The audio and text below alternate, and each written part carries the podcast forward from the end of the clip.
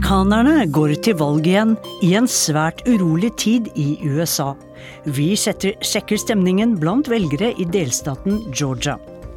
Løsningen for Ukraina og Russland er at begge land blir med i EU, sier russisk journalist til NRK.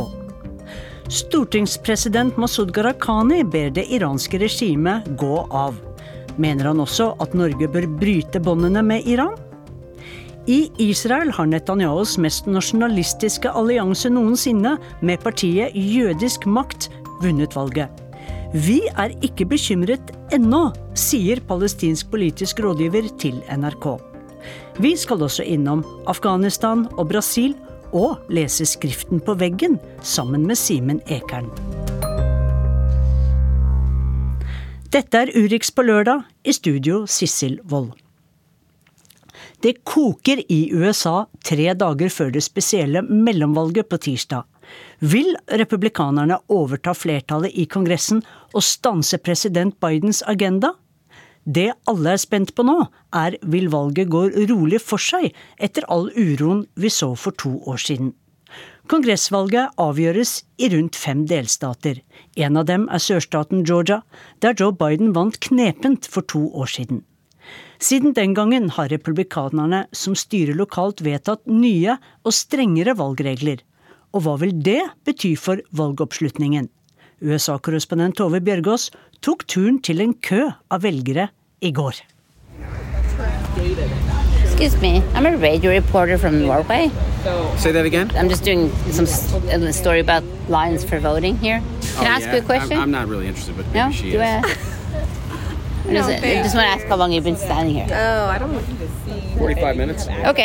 Det er ikke alle som er like interessert i å snakke med journalister i den lange køen. Men en kvinne med lyst, krusete hår og en svart T-skjorte rekker opp hånda når jeg spør. My name is Catherine. How long have you been standing here? Gosh, maybe half hour. I'm not really sure. You think that's fine, or is it too long?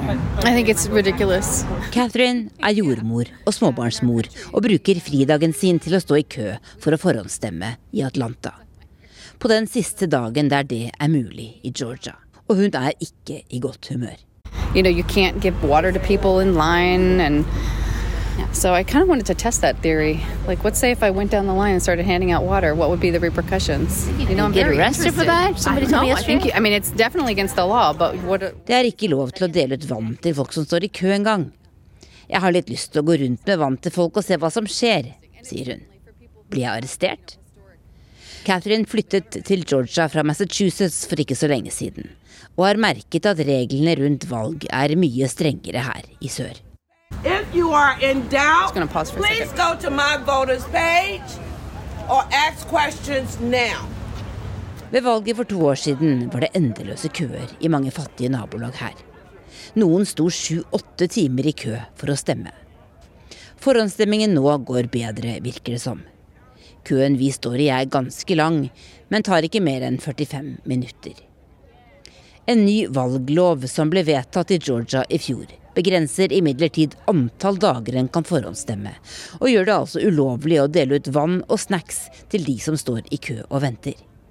Catherine mener det er maktmisbruk. especially in Georgia and maybe the South, but I'm not really sure. There's a culture of power hoarding and information hoarding. So keeping power to yourself, kind of, or what do you mean by power hoarding? So, by the people in power want to remain in power, and so they enact policies in order to maintain their power. De som sitter ved makta er redde for å miste den. Det er derfor de gjør det vanskeligere å stemme, mener demokraten. Please join me in welcoming the 83rd governor and soon to be 84th governor of the state of the great state of Georgia, Governor Brian Kemp. Han som bestemmer mest i Georgia, møter jeg på en parkeringsplass i en by en times kjøring unna. Georgias republikanske guvernør Brian Kemp forsøker å bli gjenvalgt. Og det er han og det republikanske flertallet i delstatsforsamlingen som har vedtatt den omstridte valgloven. Men Kemp mener den har gjort det lettere å stemme ved dette valget.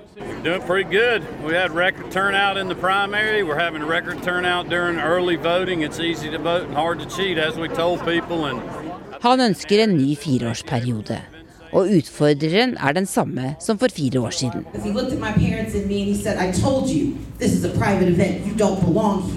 Den afrikansk-amerikanske stemmerettsaktivisten Stacey Abrams, som forsøker å bli USAs første svarte kvinnelige guvernør.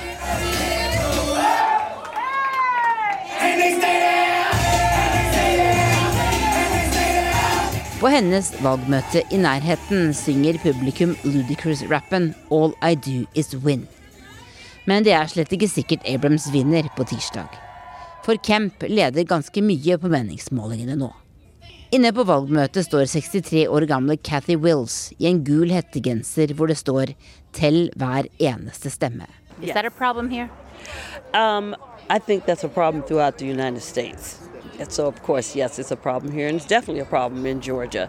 Um, we've had uh, full onslaught um, voter suppression.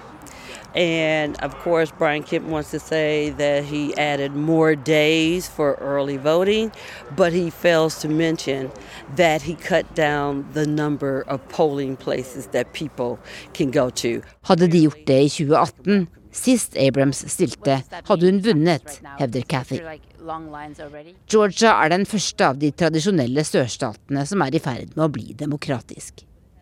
Cathy forklarer at én grunn til at republikanerne fortsatt står så sterkt her, er at mange afroamerikanere, og spesielt menn, ikke bruker stemmeretten. It is because people do not get out and exercise their rights. Why don't they? Not only does your vote not count, we're not even going to let you count. We're going to put so many hurdles in your way. Mange opplever at det legges så mange hindringer i veien at det nesten er umulig for dem å stemme. Andre ønsker ikke å bli involvert i politikk fordi de er redde for at kolleger eller arbeidsgiver skal spørre om hva de stemte og gi dem trøbbel, sier Cathy. You know, I got to go back and I got to work with these people. And if they ask me who I voted for, if I say who I'm voting for, if I even go out and say I want to vote, I'm going to get a hard time on my job. People are scared to vote. People are scared to vote. Selv stemmer hun alltid. Og på lørdag skal det avgjøres om Georgia får sin første svarte kvinnelige guvernør. Og om den afrikansk-amerikanske demokratiske senatoren Raffle Warnock blir sittende i senatet i Washington. Taper han, kan det bety republikansk flertall der. Og nesten 300 av de republikanske kandidatene som stiller til dette mellomvalget, sier at de ikke anerkjenner valgresultatet fra 2020, der Trump tapte. Det vitner om en stor demokratisk krise, men også om et land som forsøker å grunnlegge seg selv på nytt og på nytt. Det sier Hilde Restad, som nettopp har skrevet boken Det amerikanske paradokset. Good evening, America. I want to offer this small prayer for our country. This is land of hope and dreams. Grab your ticket and your suitcase. Det amerikanske demokratiet er åpenbart i krise akkurat nå. Men så skriver jeg i boka mi at mye av amerikansk politisk historie handler om at USA er i en slags demokratisk krise. Og Så går det litt opp, og så går det litt ned. og Så er det litt roligere perioder, og så er det litt heftigere perioder. Så Sånn som jeg har systematisert det her, så tenker jeg at USA egentlig aldri blir ferdig med å grunnlegge seg sjøl. USA er midt oppe i sitt fjerde grunnleggelsesforsøk, sier Hilde Restad, USA-forsker på Oslo nye høyskole og forfatter av den nye boka Det amerikanske paradokset. Det amerikanske paradokset er den motsetninga USA ble grunnlagt på. Vi kjenner jo USA som på en måte det første opplysningstidslandet eh, med en liberal grunnlov som inspirerte eh, andre, f.eks. Norge sin grunnlov. Samtidig så var USA også grunnlagt på slaveri, på et ganske strengt rasehierarki, eh, og selvfølgelig også etnisk rensning av en urbefolkning. Så da har du et land som er grunnlagt på ganske forskjellige ideer. Og disse motsetningene ser vi helt tydelig i dagens USA, sier Restad. Og vi har sett dem gjennom hele USAs til tider dramatiske historie. Det andre grunnleggelsesforsøket, som da på en måte utgjorde borgerkrigen og den påfølgende rekonstruksjonen av sørstatene, den lykkes jo ikke til syvende og sist. Sørstatene innførte heller eh, segregering og Jim Crow for å forsøke å fortsette denne tradisjonen om at USA skulle være en hvit republikk. Og derfor, fordi det her feila, så fikk man 100 år senere det tredje forsøket på å nok en gang løse paradokset eh, i form av borgerrettighetsbevegelsen. Eh, som jo blir sett på som en, egentlig en suksessfull grunnleggelsesforsøk, fordi man da faktisk fikk på plass viktige lover som skulle gjøre det sånn at også nå svarte amerikanere skulle få lov å bruke sin stemmerett, få lov å være likeverdige borgere. Så Derfor i boka så skriver jeg at jeg daterer USA som liberalt demokrati til 1965, da USA vedtok noe som het valgloven, som gjorde at alle nå kunne bruke stemmeretten sin. Som jo på en måte er et viktig premiss for at du skal ha et liberalt demokrati. There is not a black America and a white America and Latino America and Asian America. There's. Det kulminerte med valget av Barack Obama i 2008 som USAs første svarte president. Moment, da tror jeg mange, inkludert meg sjøl, tenkte at OK, nå har USA klart det. De har løst paradokset sitt. Eh, men det vi ser i etterkant av Obama, er jo en enorm motreaksjon som går på mange av de her klassiske problemstillingene eh, som definerer paradokset, nemlig representasjon, politisk makt, stemmerett. Og Derfor tror jeg at en måte å forstå det kaoset i USA i dag på, er å se på det som et fjerde grunnleggelsesforsøk. Det er en pågående kamp om hva slags land USA skal være. USA har alltid vært et land med en veldig stor hvit kristen majoritet. Som har hatt politisk makt, kulturmakt, definisjonsmakt. Det vi ser er jo at i dag så er USA et land som ikke lenger har en hvit kristen majoritet. Det skjedde, Den endringa skjedde under Obama. Skjedde under den første svarte presidenten. Så jeg tror at en del av det som kan forklare den radikaliseringa av høyresida i USA, som består i hovedsak av hvite kristne, det handler om tap av politisk makt. Tap av kulturell makt tap av definisjonsmakt. Hvite kristne har mye, mye mer politisk makt enn deres tall skulle tilsi. Eh, og det har mye med hvordan eh, institusjonene er lagd, hvordan man bruker institusjonene, hvem som er flink til å stemme, hvem som har, gjør det enkelt, hvem som har det enkelt å stemme, hvem som det er vanskelig å stemme for. Så her ser vi en sånn etterslepeffekt, hvor det ikke nødvendigvis er sånn at det er et én-til-én-forhold mellom de ulike gruppe, demografiske gruppene i amerikansk samfunn og hvem som har politisk makt. Akkurat nå så vinner hvite kristne denne kampen. Og det amerikanske demokratiet i krise. Vil det gå bra til slutt? USA har på en måte alltid vært i trøbbel. De har jo alltid drevet og strevd med det her. så på en måte kan jo det inspirere til litt optimisme, for de har på en måte klart seg så langt. Og ofte har de gjort ting bedre. Så er det jo også veldig skuffende at man 20, på 2020-tallet at man ikke har kommet lenger i USA. At man er tilbake og skal Det at man kjemper om grunnleggende ting som hvor enkelt skal det være å bruke stemmeretten? Hvem skal få lov å ha politisk makt? Jeg prøver å være forsiktig optimist, i og med at det er jo typisk amerikansk å være framtidsoptimist. Jeg tenker vi må holde på den. Men det spørs hvordan vi definerer framtid. Jeg vet ikke om det går bra om ti år. Kanskje vi må vente litt lenger in a land of hope and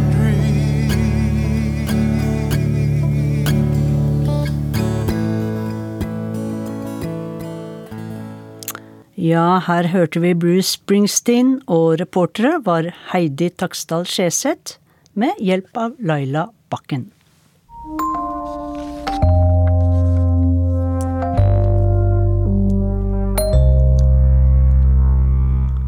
Ukrainas president Volodymyr Zelenskyj sier at han ikke ser noen vilje fra Moskva til å forhandle for å avslutte krigen mot Ukraina. Så kampene fortsetter. Men hvordan løse denne bitre konflikten på lengre sikt? Den russiske journalisten Leonid Ragozin mener løsningen er at både Ukraina og Russland kommer med i EU. Han har skrevet boken En europeisk tragedie sammen med Morgenbladjournalisten Stein Inge Jørgensen. Jeg traff Ragozin i går og spurte han Russland medlem av EU? Yeah, of course it, it does sound fantastic now. However, Uh, ja, det kan jo virke for fantasifullt nå, men om vi går tilbake til tiden etter annen verdenskrig, så ser vi at krigstrette land som hadde vært fiender i årevis, fant sammen og skapte kull- og stålunionen som var forløperen til EU. The community of coal and steel that united uh, Germany, West Germany and France and Belgium.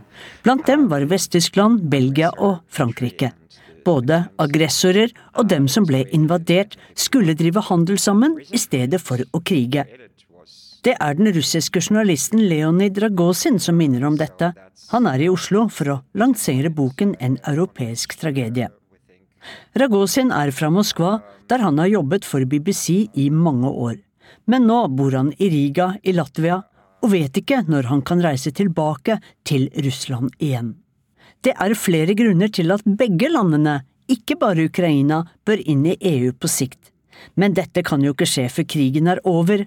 Putin har falt, et krigstribunal er gjennomført og krigserstatning utbetalt. Men én grunn til at EU er viktig, mener han, er at så mange ukrainere og russere er i familie med hverandre. Almost uh, one third of Ukrainians, I think 29% of Ukrainians, said uh, they had uh, close relatives. Nesten en tredel av ukrainere har nære slektninger i Russland, og 60% har både russisk slekt og nære venner. Så om bare Ukraina blir med i EU, så vil Schengen-grensen gå mellom Russland og Ukraina, og det vil skade kontakt mellom de to folkene som trenger å finne sammen igjen, mener Ragozin. Men foreløpig sitter Vladimir Putin ved makten med kontroll over Russlands atomvåpen. Russerne støtter ham fordi de ikke har noe annet alternativ, mener Ragozin. Mobilize people in Russia because their fear of the West is quite genuine. And the, the reason for that is uh, the alienation of Russia that happened during the last 30 years. Putin kan lett mobilisere folk, både med Kremls propaganda om at Russland har så mange ytre fiender, men også fordi Europa har fremmedgjort russerne over de siste 30 årene.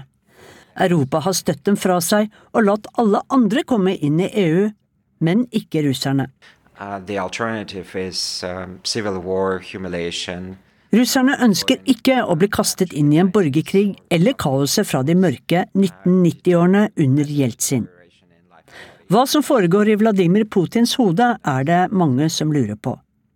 Leonid Dragosin heller til at den russiske presidenten er suicidal. Putin uh, made two moves which I considered suicidal for his political career.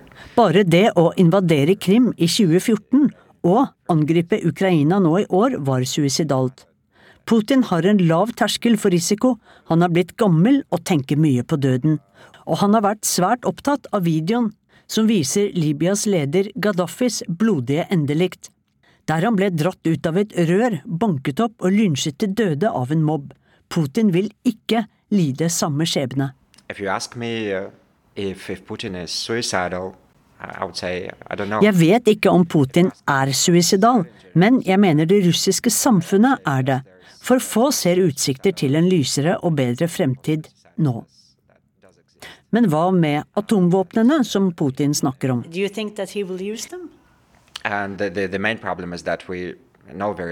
Vi vet ikke mye om hva som foregår i Putins indre krets. Det er jo ingen uavhengige pressefolk som slipper inn der, sier den russiske journalisten. Vestlige mediers dekning av krigen i Ukraina kan synes svart-hvitt. Et aggressivt Russland mot et Ukraina som kjemper med ryggen mot veggen. Hva syns Leonid Ragozin om dekningen?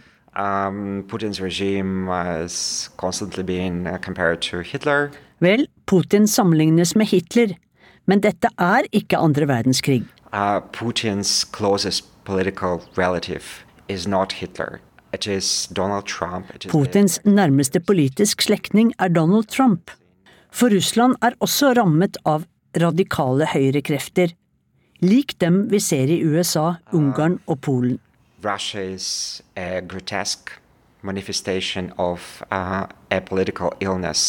Russland er et grotesk eksempel på denne politiske sykdommen. Når Europa heles fra den, så vil Russland følge etter, mener den russiske journalisten. Den svenske regjeringen tar avstand fra den kurdisk-syriske YPG-militsen og partiet PYD. Sveriges utenriksminister Tobias Billström sier til Sveriges Radio at det er for nær forbindelse mellom disse organisasjonene og det tyrkisk-kurdiske partiet PKK, som er terrorlistet i både Tyrkia og EU. Uttalelsen kommer bare dager før Sveriges nye statsminister Ulf Kristersson skal møte Tyrkias president i Tyrkia, der Sveriges medlemssøknad til Nato, som president Erdogan nå blokkerer, nok blir et tema. Det finns en för nära koppling mellan de här organisationerna och PKK som är en terrorlistad organisation av EU eh, för att det ska vara bra för relationen mellan oss och Turkiet. Och vi tycker att det är viktigt att man klargör att det kommer inte att finnas några tvivelaktiga kontakter och det kommer inte finnas någon, får inte finnas någon osäkerhet i, i det här samrøret. Tyrkia, Sverige og Finland inngikk en intensjonsavtale i juni om at Tyrkia vil si ja til at de to landene blir Nato-medlem, så fremt en rekke krav er oppfylt. Billstrøm sier det viktigste nå er forholdet til Tyrkia og den svenske Nato-søknaden. Det överordnade värdet är Sveriges medlemskap i NATO och vikten av att vi når framgångar i de förhandlingar som pågår mellan då Turkiet å ena sidan och Sverige och Finland som en entitet å andra sidan eftersom vi hänger ihop i vår gemensamma ansökan om att få bli medlemmar i NATO. Och det är viktigt att vi har ett gott förhållande i de här delarna. Det sa Sveriges utenriksminister Tobias Billström til Sveriges Radio.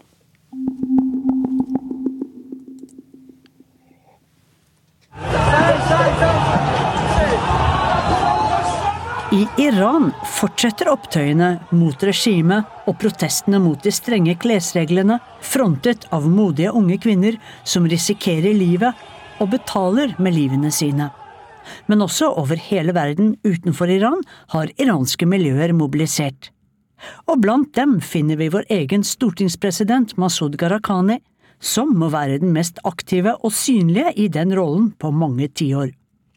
For tidlig og sent tvitrer han meldinger under emneknaggen Be their voice, vær deres stemme, for å støtte demonstrantene som vil kaste presteregimet i Iran. Det har han gjort helt siden Masa Amini døde, etter at hun ble arrestert av hijab-politiet for ikke å ha dekket håret godt nok.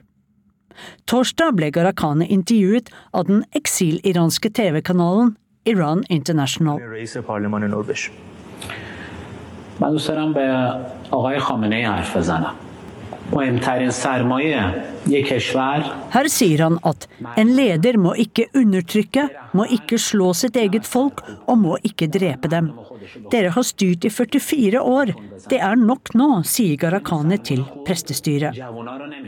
Jeg snakket med stortingspresidenten i går, og spurte om han som er nummer to etter kongen i Norge, og som oppfordrer til å velte prestestyret, et regime Norge har diplomatiske bånd med, om ikke Gharahkhani mener at Norge nå bør kutte de diplomatiske båndene til Iran.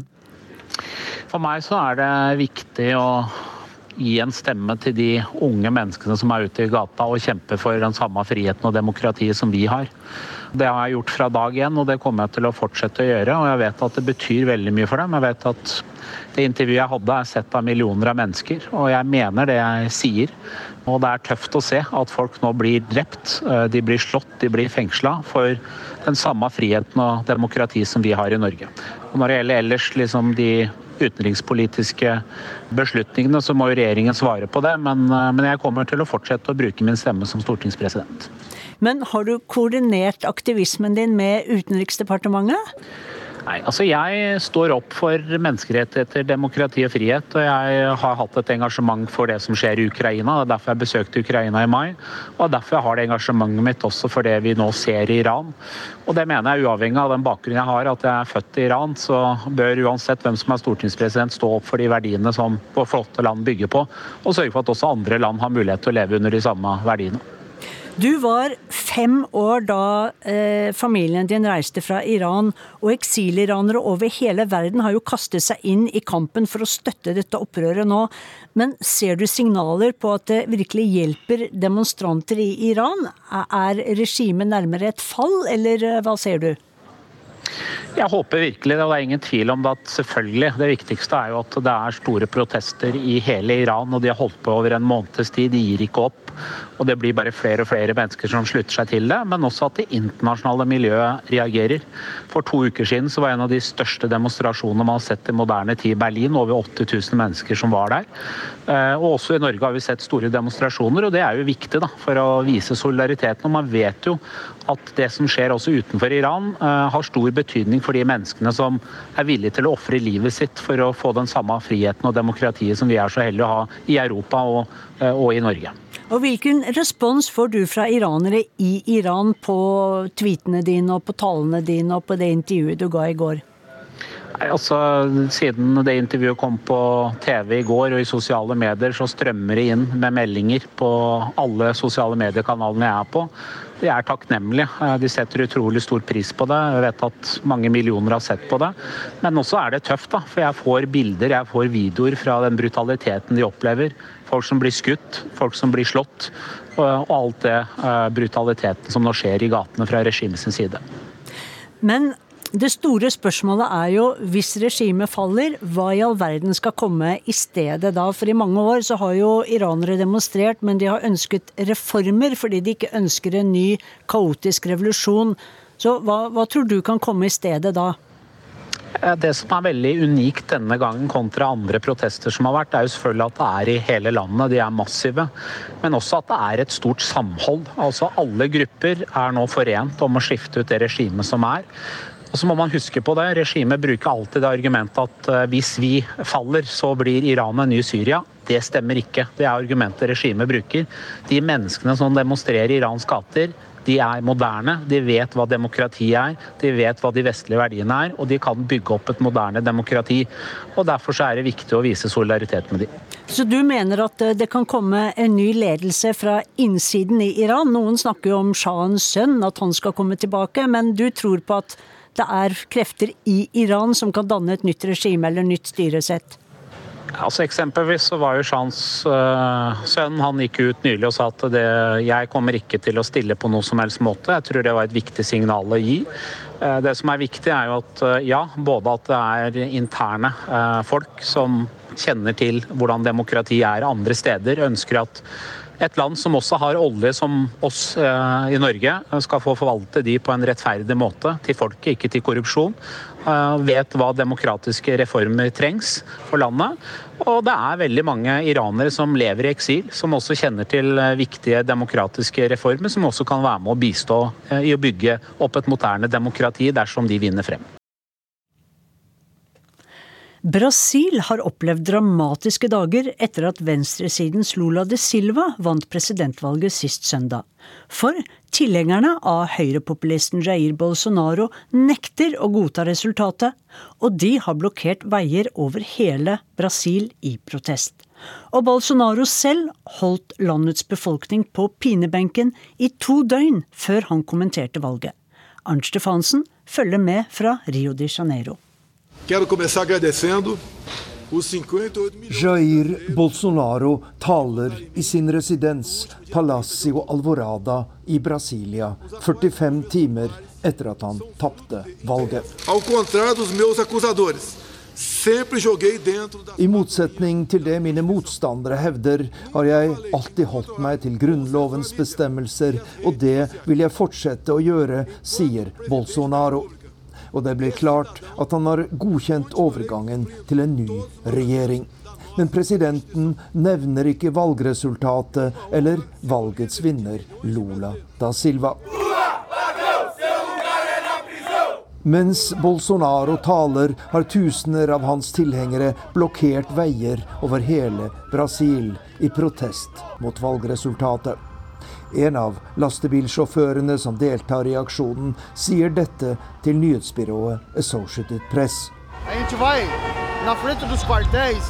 Vi skal demonstrere foran det militære hovedkvarteret, og hæren vil være på vår side. Det er vi som har makten, og vi godtar ikke valgresultatet og det som nå skjer her i Brasil, sier sjåføren. Men flertallet av landets velgere er uenige. Sentrum av Brasils største by, Sao Paulo, ble til et jublende folkehav da valgresultatet ble kunngjort søndag kveld. Og midt i mengden sto den 77 år gamle Lula da Silva, som vant valget i spissen for en sentrum-venstre-allianse av ti partier. Han lover en ny tid for Brasil. Jeg vet at dere er lei av å lide. Det går ikke an at et så vennlig folk, et folk som liker å danse samba, må lide så mye pga. en fascistregjering som ikke liker mennesker, som ikke liker svarte, som ikke liker urfolk, sier den nyvalgte presidenten Lula da Silva. 20 år er gått siden han for første gang ble valgt til president i Brasil. Han brakte mer enn 30 millioner mennesker ut av fattigdommen, og da han gikk av i 2011, mente over 80% av velgerne at han hadde gjort en god jobb. Men det skulle komme tunge tider. Lulas fiender feirer med fyrverkeri da den tidligere presidenten blir fengslet for korrupsjon i 2018. Bare de færreste trodde at han ville komme tilbake i brasiliansk politikk. Men dommen ble opphevet, og i dag kaller han det som har skjedd, et mirakel. De prøvde å begrave meg levende, og her står jeg og er gjenvalgt som president i Brasil, sier Lula da Silva. Men han får en svært tøff oppgave. For landet er delt på midten, og motstanderne lover en forbitret opposisjon.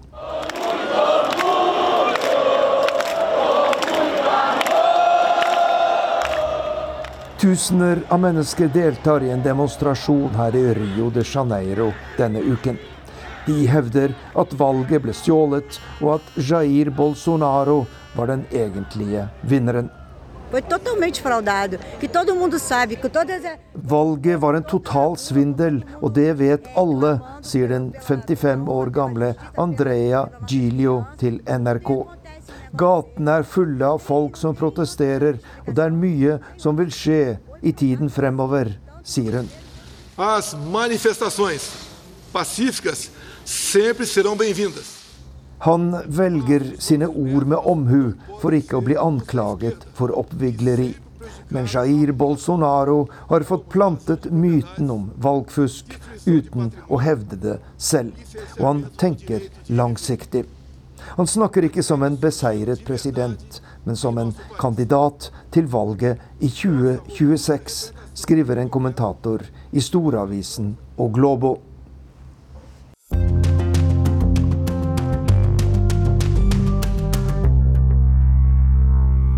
På datoen i går, 4.11.1995, var det 27 år siden Israels statsminister Itzak Rabin ble drept av en fanatisk jøde for å ha undertegnet Oslo-avtalen med palestinerne.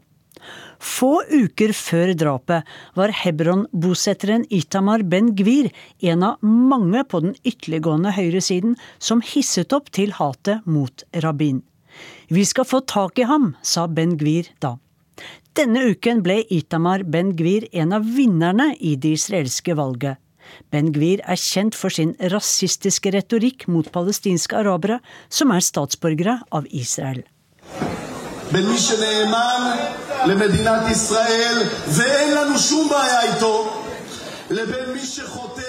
Vi må ha et klart skille mellom de som er lojale mot den jødiske staten, og de som ikke er det, sier Ben-Gvir her. Han vil deportere arabere han mener ikke er lojale nok. På valgplakatene sine hadde han slagordet 'Hvem er herren i huset her?' I Israel bor nesten to millioner palestinere, arabere, som til tider har en litt vanskelig identitet. De kunne ha blokkert Netanyahu og Ben Gvirs seier om de hadde møtt mannsterke opp for å stemme. Så hvorfor gjorde de ikke det? Can you hear me? Is this sound clear? The sound is very good. Dette er Shahin Sarsour, som vet det meste om israelsk politikk. For han har vært politisk rådgiver til to arabiske folkevalgte i Knesset over flere år, og hatt den israelske nasjonalforsamlingen som arbeidsplass. Etter litt fomling med WhatsApp og mobil får vi endelig kontakt på Zoom. Hva synes han om valgresultatet i tirsdagens valg, som gir den korrupsjonstiltalte Benjamin Netanyahu et comeback, og det med den ultranasjonalistiske bosetteren Ben Gvir på lasset?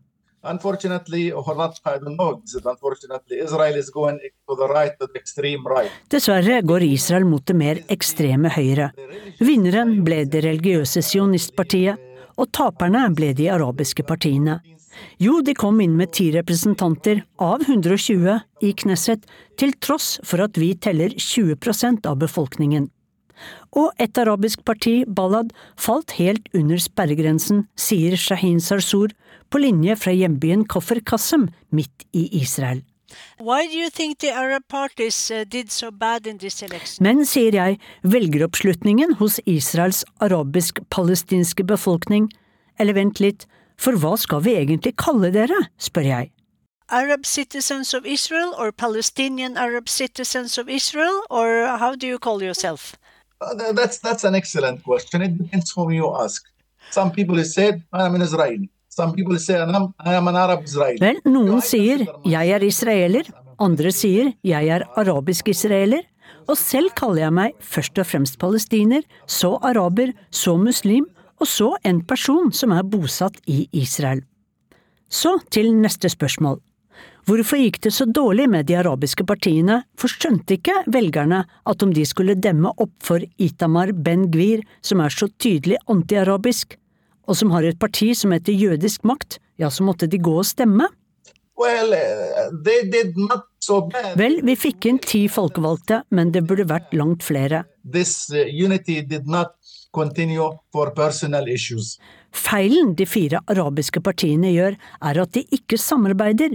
De krangler, og partilederne lar personlige saker og egen posisjonering overskygge målet, nemlig å representere sine velgere best mulig, sier Sarsour litt oppgitt. Men i fjor skapte en av de arabiske partilederne historie. Mansour Abbas fra Galilea, som er islamist, ble kastet ut av den arabiske felleslisten der de arabiske partiene har samlet seg, fordi Abbas brøt et tabu. Han ville støtte en israelsk-jødisk regjering, og til og med en Netanyahu-regjering. Og for første gang siden staten Israel så dagens lys, i 1948, fikk et arabisk parti komme inn i maktens korridorer. screaming and shouting and said when Israel is a racist country, Israel wants to kick the Arabs and so on. Mansour Abbas said, okay, Mansour Abbas forsøkte noe nytt.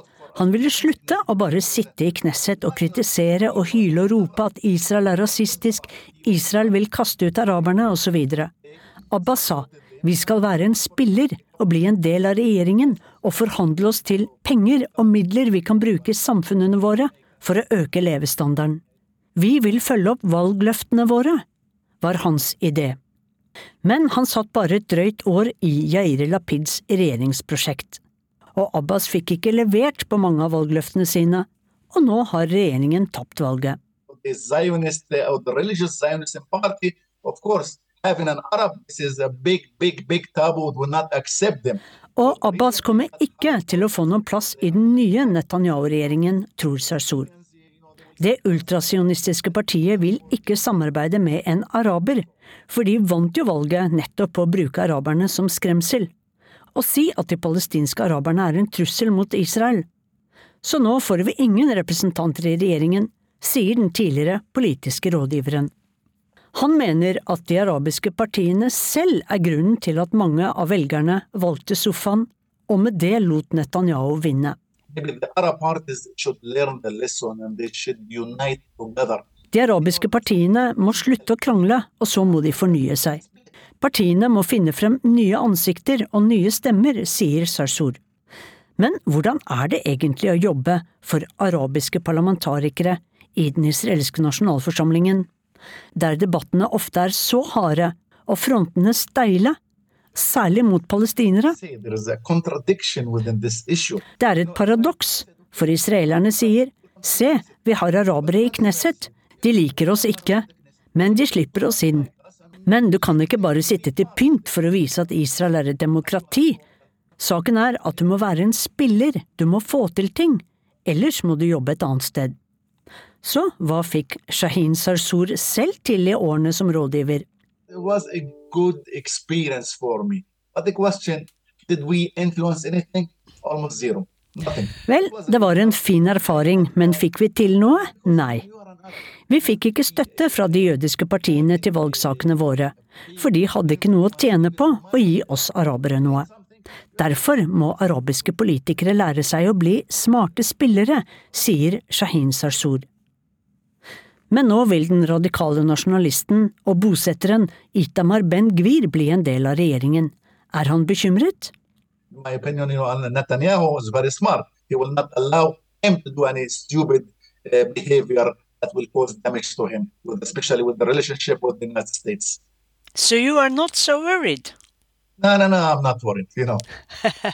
but if I was a Palestinian who is lived in 1967, yes, I'd be worried. Nei, jeg er ikke så bekymret.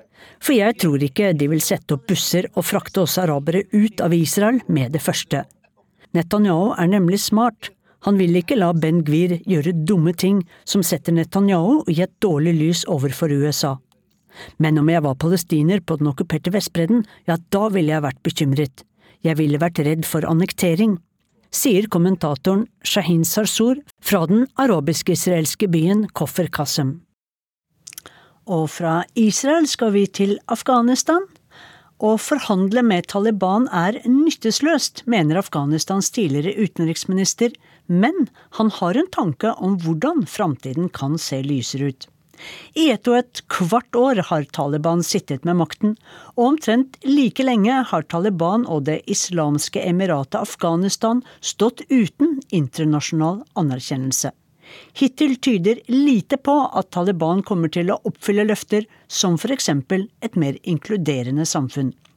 Afghanistans tidligere toppdiplomat ser mørkt på fremtiden, men han tror han har en løsning.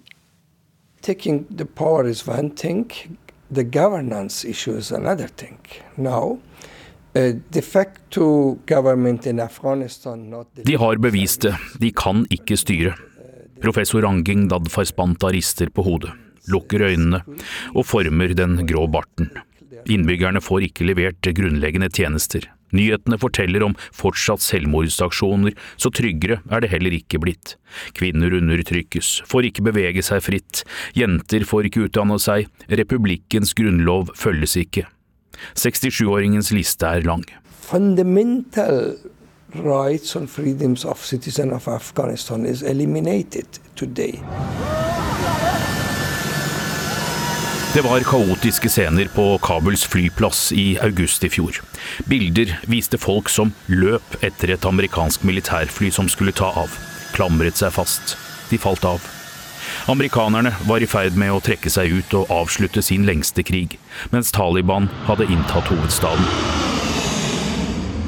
The people of Afghanistan now awake from the shock of, of the last years. That is not good news because uh, Professor Spanta var selv i Kabul og så president Ashraf Ghani stikke av. He was the commander in chief. And his duty was defending the country and staying in, in, in Kabul.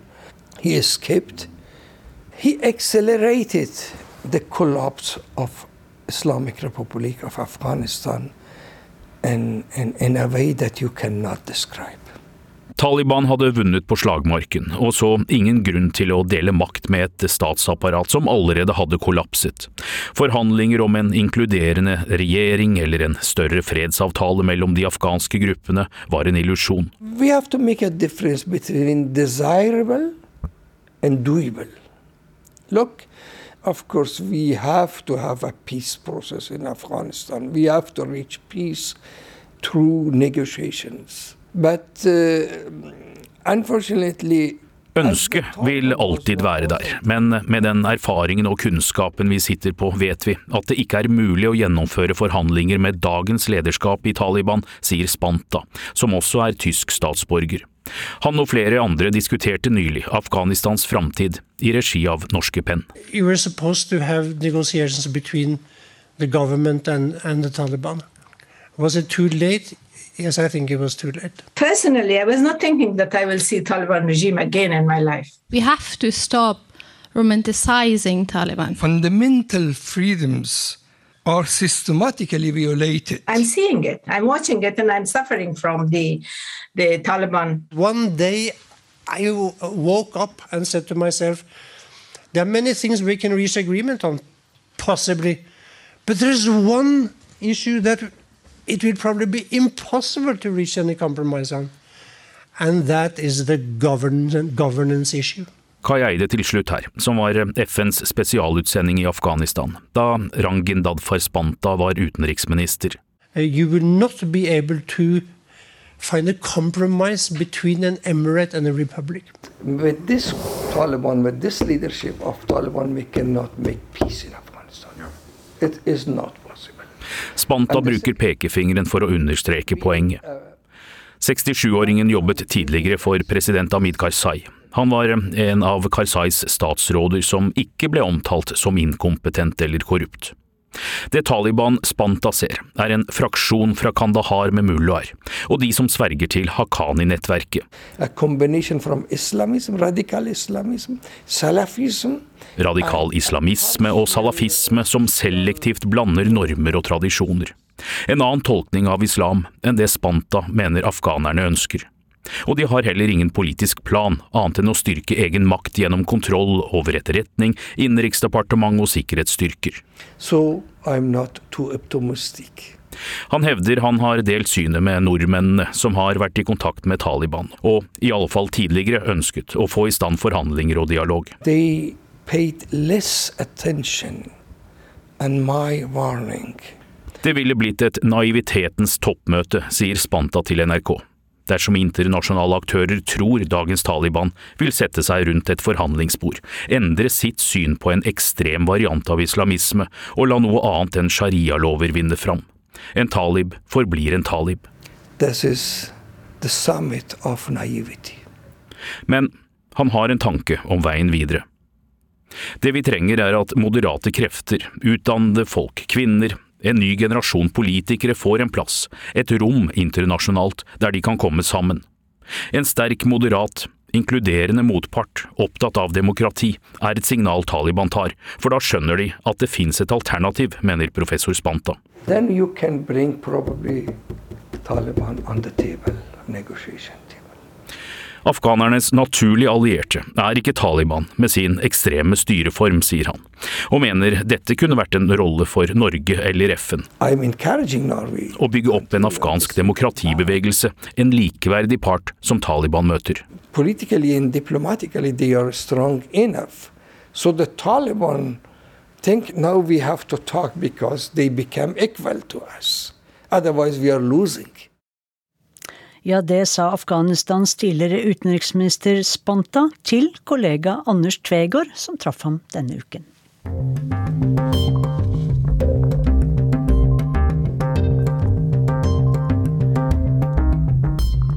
Korrespondent Simen Ekern liker å vandre gatelangs i Europas mange byer, og i dette brevet har han latt seg inspirere av skriften på veggene. Hva skjer her? Har Musk kjøpt debatten?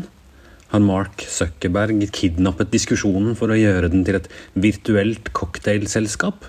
Har kineserne fått tilgang på dine innerste tanker og manipulert tilgangen på nyheter ved hjelp av TikTok? Er det blitt for dyrt å skaffe seg et skikkelig avisabonnement? Det offentlige ordskiftet er blitt et lunefullt sted, fullt av russiske troll og skjulte agendaer. Det er på tide med noe håndfast. En vegg. Jeg har sett en hel masse og snakket med veldig mange, men mye av tiden tilbringes foran en skjerm, selvsagt. Sånn har det blitt. Jeg følger publiseringsivrige politikere på Twitter. Jeg legger ut bilder fra toppmøter på Instagram. En sjelden gang krangler jeg med noen på Facebook. Det gir en slags oversikt, men det er mye støy også. Det kan være derfor jeg har lært å sette pris på en mer analog kommunikasjonsform på disse reportasjeturene. Skriften på veggen. Fra Bibelen, eller eventuelt Wikipedia, vet vi at det kan lønne seg å ta sånne håndskrevne budskap på alvor. Kong Belasar i Babylon eksempel, fikk ikke med seg at skriften som dukket opp på mystisk vis på palassveggen hans, var et forvarsel om at riket hans var i ferd med å gå under. Uklokt, kan vi i ettertid konstatere. Jeg mener ikke å påstå at slagord på veggen alltid er guddommelige sannheter, men for sikkerhets skyld kan vi følge litt ekstra med. Jeg tror det var pandemien som fikk meg til å verdsette spraymalte slagord igjen. Da gatene var tomme og verden sto stille, ga nymalte budskap i nabolaget en slags følelse av at det fantes folk der ute, selv om jeg ikke så dem. En dag ganske tidlig under nedstengningen, den gangen det var besøksforbud i Italia, kom jeg over en håpefull melding med løkkeskrift. Hadde det bare vært opp til meg, ville jeg allerede vært hos deg for å gi deg en klem og si at alt kommer til å gå bra, sto det. Dagen etter hadde optimismen fått svar på tiltale av noen andre med sprayboks. Men det kommer til å gå skikkelig dårlig, sto det. En litt treg og ikke nødvendigvis veldig innsiktsfull form for offentlig debatt, kunne man kanskje innvendt, men den framsto som veldig virkelig i en uvirkelig tid. Og som en temmelig presis oppsummering av de ulike måtene å takle uvirkeligheten på. Senere kom vaksinene og diskusjonene med dem. De vaksinerte smitter også, sto det på en vegg i Venezia, omtrent på den tiden en del arbeidstakere ikke fikk slippe inn på jobb uten vaksine. Mens antivax-bevegelsen ellers ofte har framstått som aggressiv og virkelighetsfjern, var dette en fin, litt resignert vri fra vaksinemotstanderne, syntes jeg. Ikke like resignert som Venezias beste veggskrift i denne perioden, riktignok. Tanto moyo, sto det på veggen. Jeg dør uansett. Verken Kafka eller pessimismens ener Schopenhauer ville ha gjort det bedre, tror jeg. Det store Nato-toppmøtet i Madrid i sommer ble betegnet som en suksess. Men det var også et møte der de frammøtte ble nødt til å forholde seg til at faren for atomkrig var blitt større enn noensinne siden Cuba-krisen. Det var ikke noe veldig lystig bakteppe for en kveldstur i den spanske hovedstaden. Også her var det en tungt fremskredet pessimisme som preget skriften på veggen. Et slags svar på den vanlige hilsen 'ketal', hvordan står det til, forestiller jeg meg. Og svaret 'todo mal', bare dårlig takk. Et par gater lenger borte hadde misnøyen en mer konkret målskive. Meg, eller alle journalister, da, som er terrorister, ifølge veggskribenten. Periodistas er det samme som terroristas. I en tid der trusler og vold mot journalister øker i Europa, er det på ingen måte noe budskap jeg vil skrive under på, så klart. Men det er på rim, i alle fall. I motsetning til det resirkulerte nazislagordet 'Lygenpresse', som ble tatt opp av ulike ytre høyre-politikere i flere land for et par år siden. Mens krigen i Ukraina førte til frykt for atomapokalypse, har den også ført til energipanikk i Europa. En konsekvens av det er at gamle energikilder er blitt som nye. I Tyskland ble kraftproduksjonen i sommer satt i gang igjen ved flere kullkraftverk som var satt i hvilemodus. Forbundskansler Scholz kalte det bittert. Okkupantene, som har forsøkt å redde den vesle landsbyen Lutzerat fra å forsvinne i et gigantisk hull med brunkull, bruker sterkere ord. Og rim, da, som dere har skjønt at jeg er begeistret for. No borders, no nations, no coal power stations, sto det. Og det er ikke et slagord som utmerker seg ved et tydelig fokusert budskap, kanskje, men det har en fin schwung, syns jeg. Særlig om det uttales med tysk aksent. Uheldigvis for aktivistene er det ikke slik at man er sikret gjennomslag i debatten med et godt slagord. Selv ikke om man har gjort seg flid med veggmaleriet det er en del av. 4.10 kom beskjeden fra tyske myndigheter. Energiselskapet RWE får tillatelse til å jevne Lutzerat med jorden. Den minst klimavennlige energikilden skal brukes litt lenger. Det er smertefullt, men det er nødvendig pga. gassmangelen, sa visekansleren i Tyskland, som kommer fra partiet De Grønne. Konklusjonen her kunne ha blitt at makthavere ikke lenger trenger å være redde for skriften på veggen, i motsetning til kongen i det babylonske riket. Likevel dukker det stadig opp eksempler på at veggbudskap skaper frykt og forargelse hos dem som styrer. Da Giorgia Meloni vant valget i Italia i slutten av september, var det etter en debatt der mange hadde uttrykt bekymring for hvordan hennes parti Italias brødre forholder seg til sin egen fortid, med røtter i den italienske nyfascismen. Diskusjonen fikk en ny omdreining da hun utnevnte partifellen Ignazio La Russa som senatspresident. En mann som tidligere har likt å vise fram sin samling av fascistsuvenirer, deriblant en ganske stor byste av diktatoren Benito Mussolini.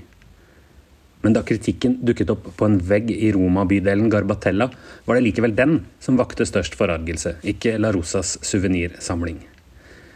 La Rosa Garbatella ti skifa, sto det. Bydelen avskyr deg.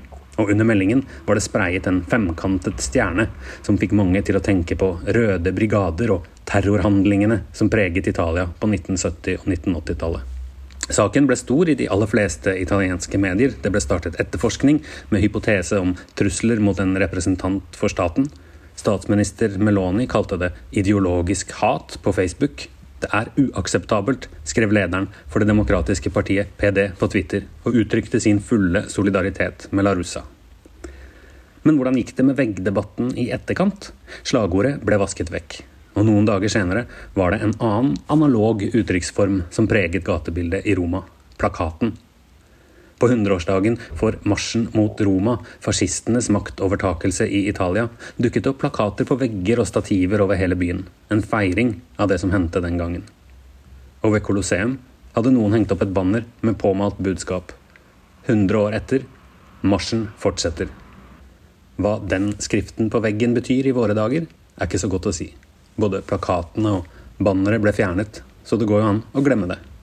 Eventuelt kan man følge litt ekstra med, for sikkerhets skyld. Simen Ekern der, altså. Teknisk, teknisk ansvarlig for denne sendingen var Stein Nybakk. Produsent var Ulf Tannes Fjell. I studio Sissel Wold. Og vi ønsker dere alle en god helg.